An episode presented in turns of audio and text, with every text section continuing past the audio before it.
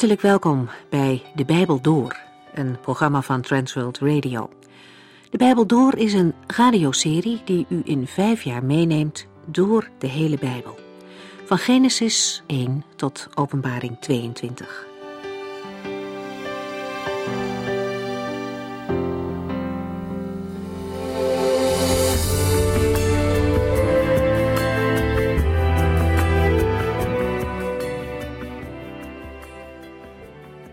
Dominee Vernon McGee heeft in de vorige eeuw de basis voor deze radioserie gelegd. En de Bijbelstudies die hij maakte werden bewerkt tot radioprogramma's. En deze zijn inmiddels in meer dan 100 talen vertaald en worden ook over de hele wereld uitgezonden.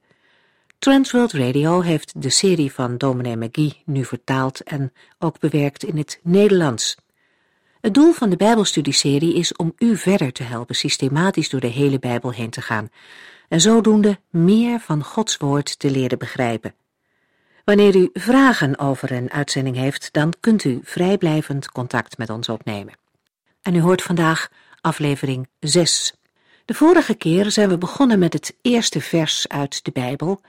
In de beginnen heeft God de hemelen en de aarde gemaakt.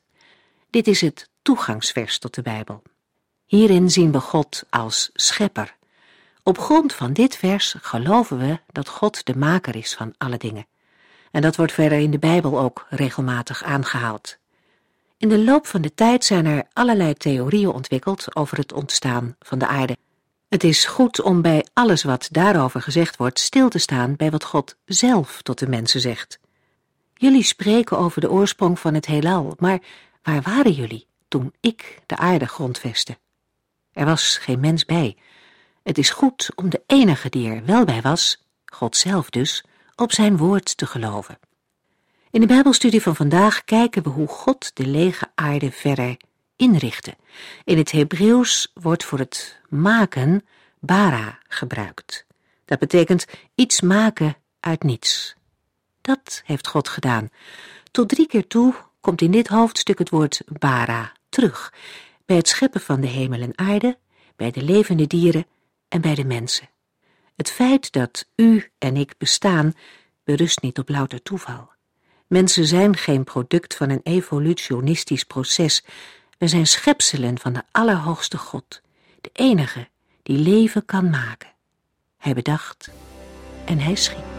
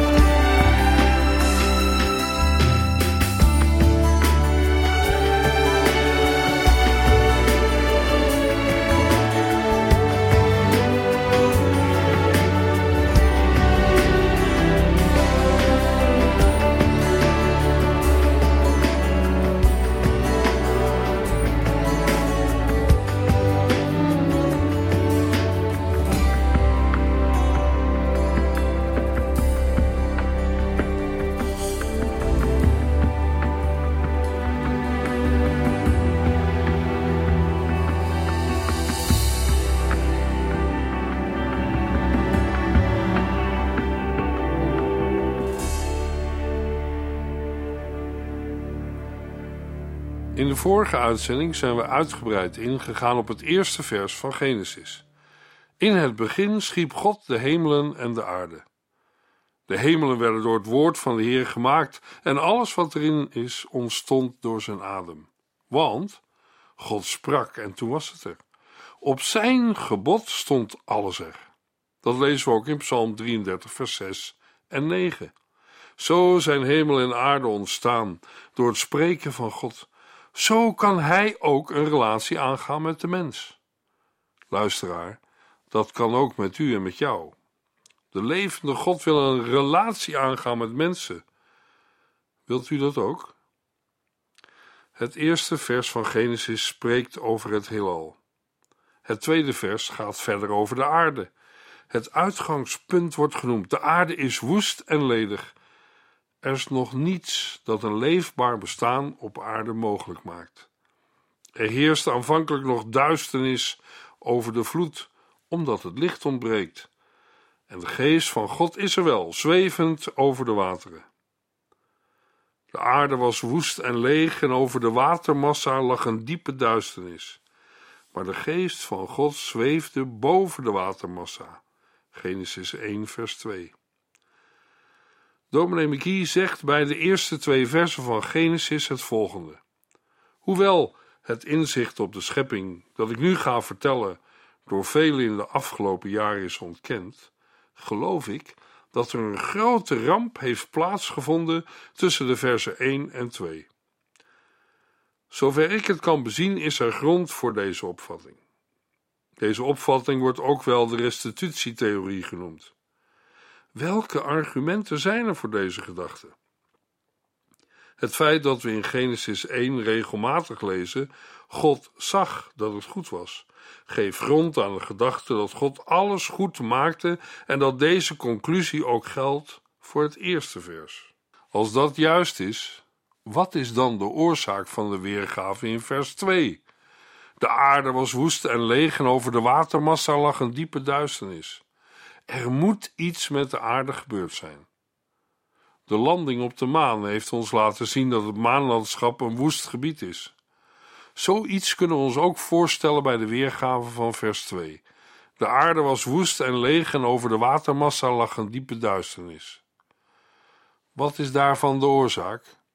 Ik denk, al dus dominee McGee, dat er een ramp in Gods heelal heeft plaatsgevonden, en in het bijzonder met betrekking tot de aarde. Als de plaats waar mensen zullen leven, wordt de aarde beschreven als zijnde woest en leeg. En over de watermassa lag een diepe duisternis. Dat betekent dan ook de afwezigheid van God. Woest en leeg is een interessante uitdrukking. Woest is in het Hebreeuws tohu. Het betekent chaos en leeg is in het Hebreeuws bohu. Waar vinden we in de Bijbel gelijksoortige uitspraken? Laten we letten op de uitspraak in de profetie van Jesaja. Want zo zegt de Heere, die de hemelen heeft geschapen. Hij is God, die de aarde heeft gevormd en toebereid. Hij heeft haar niet als een woestenij geschapen, opdat ze bewoond zou zijn. Ik ben de Heer en er bestaat geen andere God. Jesaja 45, vers 18. Hier zegt God dat hij de aarde niet als leegte, als chaos heeft geschapen. God schiep de aarde als goed. Van hem lezen we in Genesis 1: God zag dat het goed was. Hij vormde de aarde om te worden bewoond. En God maakte van het woeste en lege een bewoonbare plaats voor de mens. De huidige inzichten van het heelal hebben, tot nu toe, laten zien dat wij mensen in een stelsel leven waarin alleen de aarde bewoonbaar voor menselijke wezens is. Ik geloof al dus dominee Mickey, dat Genesis ons vertelt dat de aarde woest en leeg was, onbewoonbaar, zoals de maan, toen de geest van God over de wateren zweefde. Ik geloof dat het hele heelal tot één grote woestenij is geworden. En dat het mooie en goede van God is gebombardeerd. Wat is er gebeurd? We kunnen alleen veronderstellen dat er voor de eerste mens, Adam, een wezen op aarde moet zijn geweest. Volgens dominee McGee is het aannemelijk dat dit alles verbonden is met de val van Lucifer, de zoon van de dageraad, zoals we lezen in Jesaja 14 vers 12, die de Satan werd, de duivel, zoals we hem vandaag kennen. Ik denk, zegt McGee, dat dit allemaal achter de eerste verse van Genesis is begrepen. Maar de Heer God heeft ons geen verdere details gegeven. Er worden ons in het eerste hoofdstuk van Genesis heel weinig details gegeven. We gaan verder met het tweede gedeelte van vers 2. Maar de geest van God zweefde boven de watermassa. Het woord zweefde betekent broeden, zoals een een broedt op haar kuikens. Hij broedde op de oppervlakte van de wateren. De Heilige Geest begint hier aan zijn bediening, zoals we hem dat aldoor zullen zien doen. Hoewel de aarde nog leeg was en in duisternis gehuld, is Gods geest, de bron van licht en leven, reeds aanwezig. Hij overziet alles vanuit de hoogte en zorgt voor de volgende scheppingsdaden. Herinner je wat hier Jezus zei? Toch is het zoals ik zeg: niemand kan het koninkrijk van God binnengaan als hij niet geboren wordt uit water en geest. Johannes 3, vers 5. Dat is het werk van de Heilige Geest. En dat is erg belangrijk om te zien. We gaan naar de volgende scheppingsdaden vanuit Genesis 1, vers 3. We hebben de schepping van het heelal gezien in vers 1. Daarna het woeste en de leegheid van de aarde in vers 2. En nu komen we toe aan de inrichting van de aarde in zes dagen. Genesis 1, vers 3 tot en met 31. Er zijn verschillende dingen die dominee Mickey onder de aandacht wil brengen. In Exodus 20, vers 11 lezen we: Want in zes dagen heeft de Heere de hemel, de aarde, de zee en alles wat daarin leeft gemaakt. Hij rustte op de zevende dag. Er staat niets over scheppen. Er staat gemaakt. God vormde alles uit de grondstoffen die er al waren. Hij schiep niet, maar herschiep. Hij werkte met de aarde die al bestond, uit materie die hij tot bestaan had geroepen. God schiep het leven op aarde. Hij maakte de mens. Dat is belangrijk voor ons, omdat we bij de mensheid horen. Dan is het Bijbelboek Genesis ook vandaag nog erg belangrijk voor ons. Vers 3 van Genesis 1. De eerste scheppingsdag, het licht. Toen zei God: Laat er licht zijn. En toen was er licht. Het beviel God en hij maakte een duidelijke scheiding tussen het licht en het donker. Het licht noemde hij dag en het donker nacht. Het werd avond en het werd weer morgen, de eerste dag. Hoe lang zal een dag bij de schepping hebben geduurd? In de vorige uitzending zijn we er kort op ingegaan. Het Hebreeuwse woord voor dag is yom, in alle gevallen in de gewone betekenis van het woord. Hoe lang zo'n dag precies heeft geduurd, valt niet meer na te gaan. Wij weten niet of de tijdsduur van de draaiing van de aarde ten tijde van de schepping verschilde van die van vandaag. Maar daaruit mag niet de conclusie worden getrokken dat de duur van zo'n dag dan wel gelijk moet zijn geweest aan die van een tijdperk. Evenmin kun je uit Genesis 1 opmaken dat het de beschrijving van een visioen is. Mozes zou dan in een visioen dat totaal zes dagen heeft geduurd, hebben gezien hoe God de hemel en de aarde heeft geschapen. En dominee Mikie zegt over dit punt: dat moeten dagen van 24 uur zijn geweest. Ik kan niet inzien dat het iets anders is geweest. Let erop dat God zei: laat er licht zijn. Tien keer lezen we in dit hoofdstuk: laat er zijn. Iemand noemde dit de bevelen van de schepping. God zei: laat er zijn. Het is de eerste keer dat wordt verteld dat God sprak. Het zijn de eerste woorden van God die in de Bijbel zijn opgetekend. We gaan naar de tweede dag, Genesis 1, vers 6.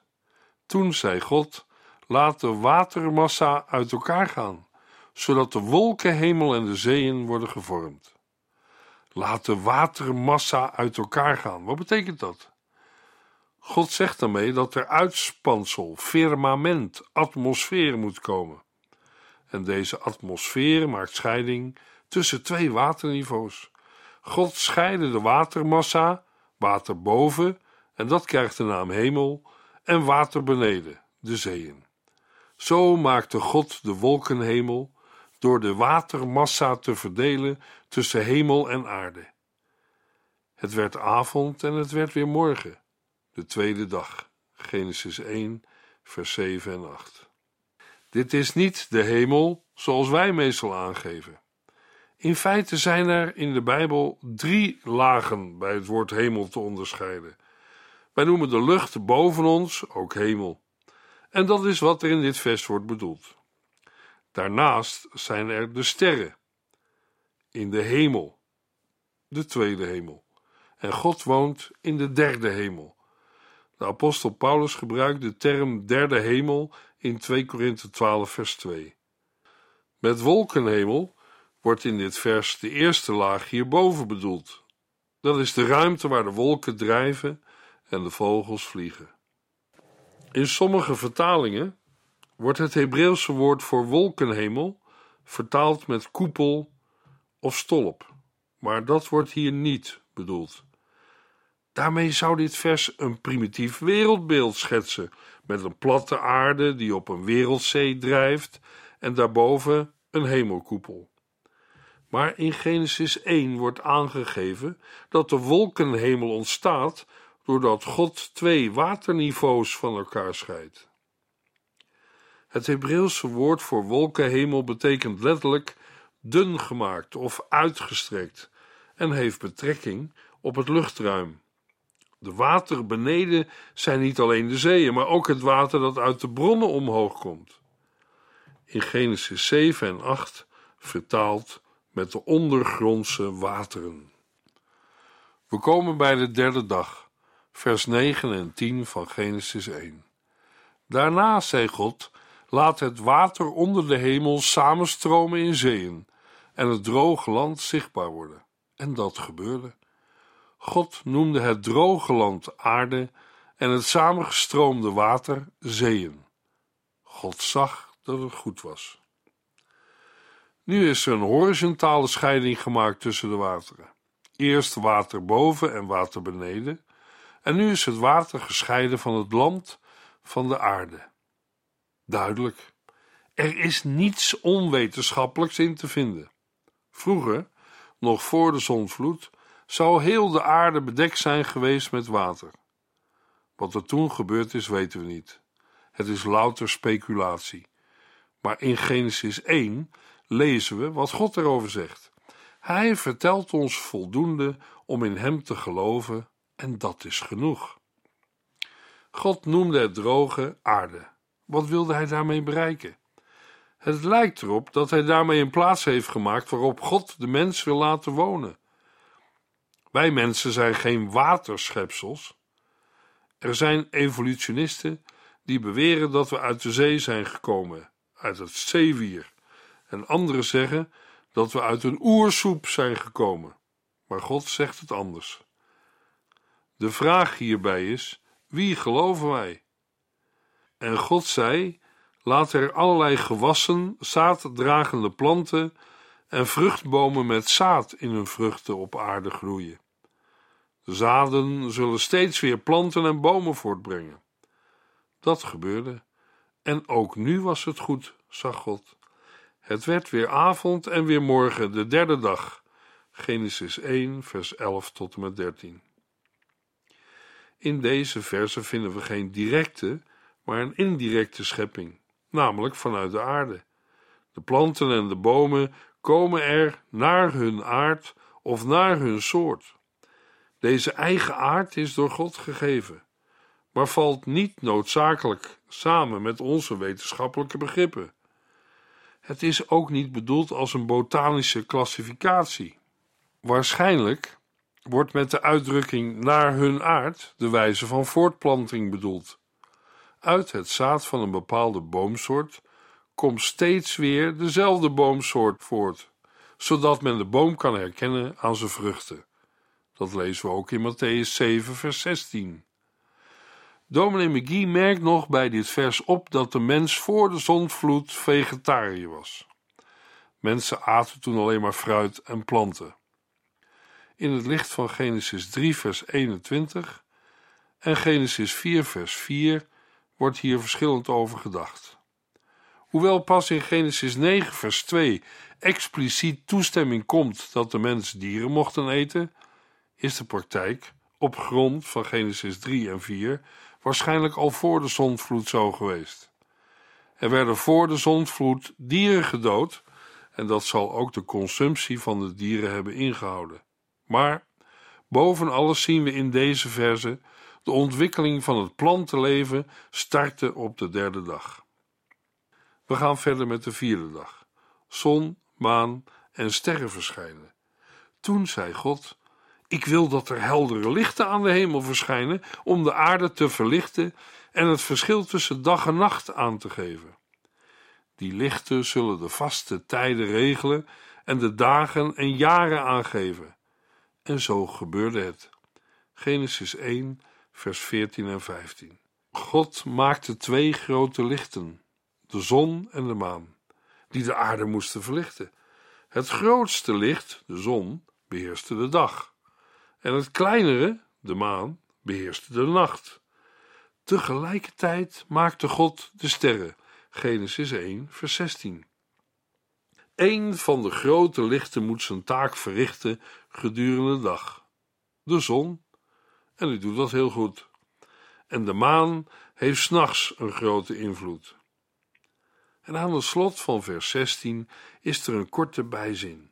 Tegelijkertijd maakte God de sterren.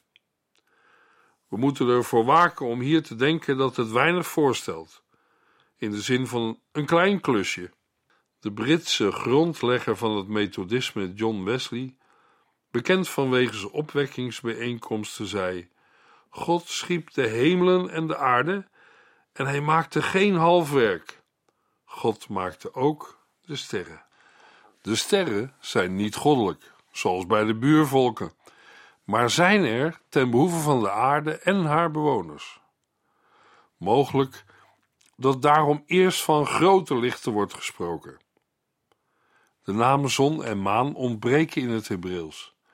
Er is alleen sprake van het grote en het kleine licht, of een lamp. Ze zijn er ineens. Anders dan in de wordingsgeschriften bij de andere volken hebben ze geen oorsprong.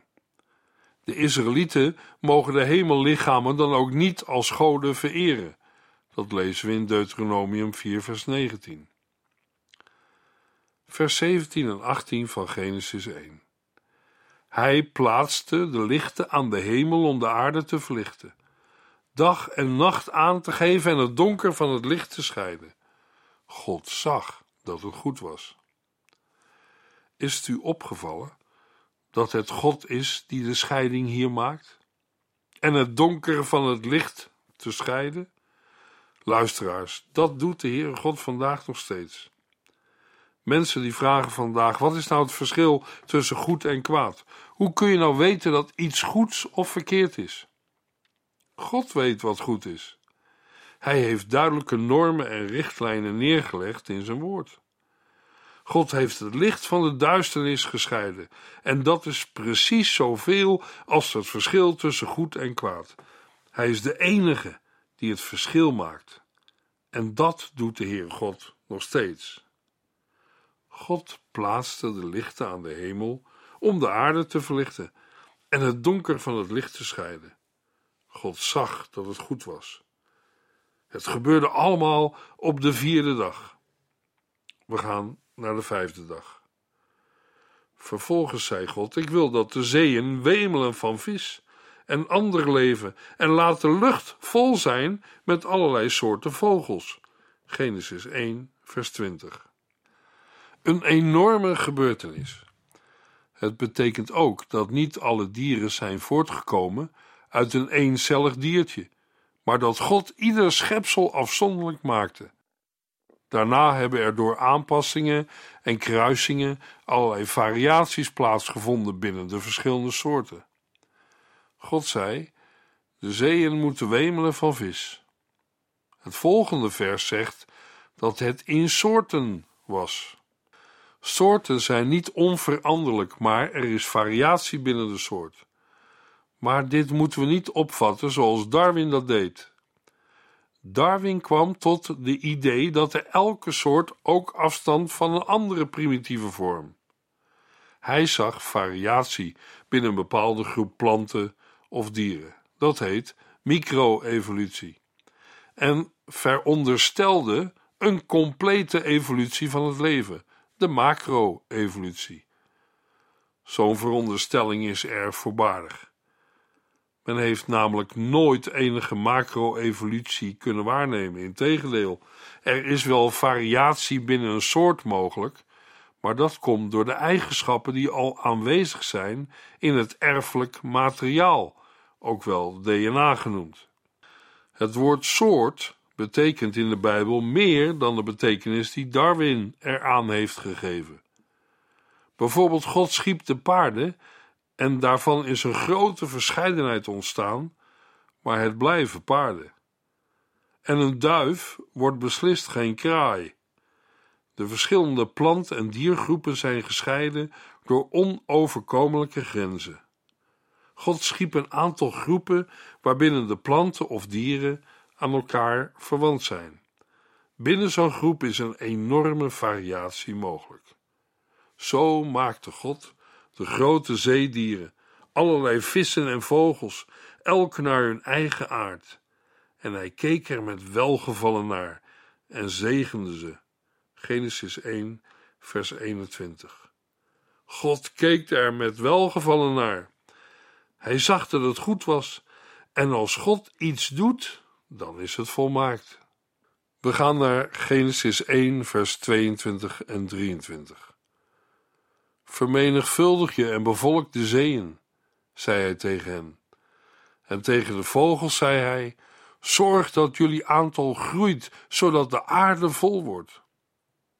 Het werd avond en het werd weer morgen, de vijfde dag. En dan komt de zesde dag, Genesis 1, vers 24 en 25. God zei toen: Laat de aarde dieren voortbrengen, vee, kruipende dieren en allerlei wilde dieren. En weer gebeurde wat hij had gezegd. God maakte alle soorten, wilde dieren, vee en kruipende dieren, elk naar hun eigen soort. God zag dat ook dat goed was. Let nog een keer op de uitdrukking allerlei en alle soorten. God heeft het plantenleven en het dierenleven onderscheiden van de mensen. Na al deze verzen zei hij: Laat ons mensen maken die op ons lijken. De mens die God toen heeft geschapen, is voor ons van groot belang. Hij is onze verre overgrootvader geweest en daarom is de hele menselijke familie met elkaar verwant. Maar daarover graag meer in de volgende uitzending.